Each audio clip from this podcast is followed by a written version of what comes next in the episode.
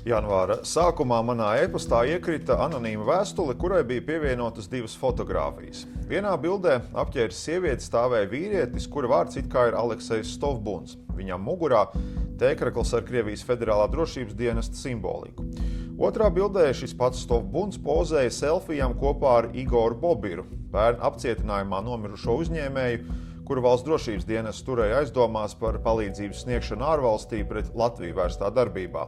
Izmeklēšanai par palīdzības sniegšanu ārvalstī pret Latviju vērstā darbībā noteikti nepalīdz aizdomās turētā Bobira nāve apcietinājuma laikā. Viņam novembrī Liepājas cietumā strauji pasliktinājās veselība. Bobiru pārved uz slimnīcu, kur viņa dzīvību neizglāba.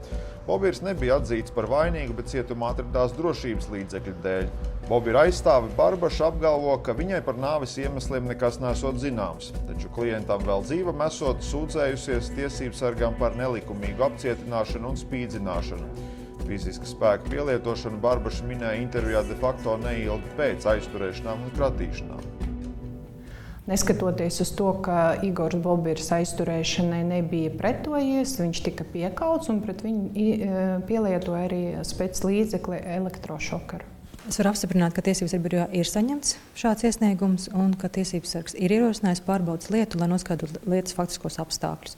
Šobrīd notiek informācijas vākšana, un līdz ar to šī jautājuma sensitivitātes dēļ, protams, mēs šobrīd nu, sīkāku informāciju atturamies sniegt, jo tā informācija vēl arī ienāk tikai birojā. Pārbaudes termiņš nav noteikts, bet no Tiesību sarga biroja pārstāvs teiktā jāsacina, ka visu apstākļu noskaidrošana nenotiks ātri. Ņemot vērā, ka lieta varbūt ir ļoti, ļoti komplicēta, es atturētos arī sniegt par to ilgumu, jo pārbaudas lieta ir ierosināta pēc tiesības sarga ieskata un iniciatīvas. Līdz ar to mēs neesam ierobežoti laikā, cik ļoti nu, teiksim, steidzami tas būtu jārisina. Bet, protams, mūsu intereses ir, lai pēc iespējas ātrāk nu, tās varētu izvērtēt, kas tur faktiski noticis vai ir bijis cilvēktiesību pārkāpums vai nē. Bobīra nāve raisīja spekulācijas. Kā viens no pirmajiem par to telegramā paziņoja Kremļa mediju grupas darbinieks Aleksis Stefānovs. Viņš, atsaucoties uz anonīmu Bobīra draugu, lietoja vārdus nogalināts politieslodzītais. Par Bobīra nāvi izmeklēšanu veids arī ieslodzījumu vietu pārvalde. Krimināla process vēl nav pabeigts, tādēļ pārvalde plašākus komentārus nesniedz. Smagas veselības problēmas pašlaik ir lieta aizdomās turētajam Raitim Dolgovam. Viņa advokāts stāsta, ka klienta veselības stāvoklis pasliktinājies apcietinājuma laikā, par ko iesniegt sūdzību Eiropas cilvēktiesību tiesā. Patreiz uh, Raitis uh, ārstējās onkoloģijas slimnīcā, onkoloģijas klīnika. Uh, Gaļasarā viņa veselības stāvoklis ir smags.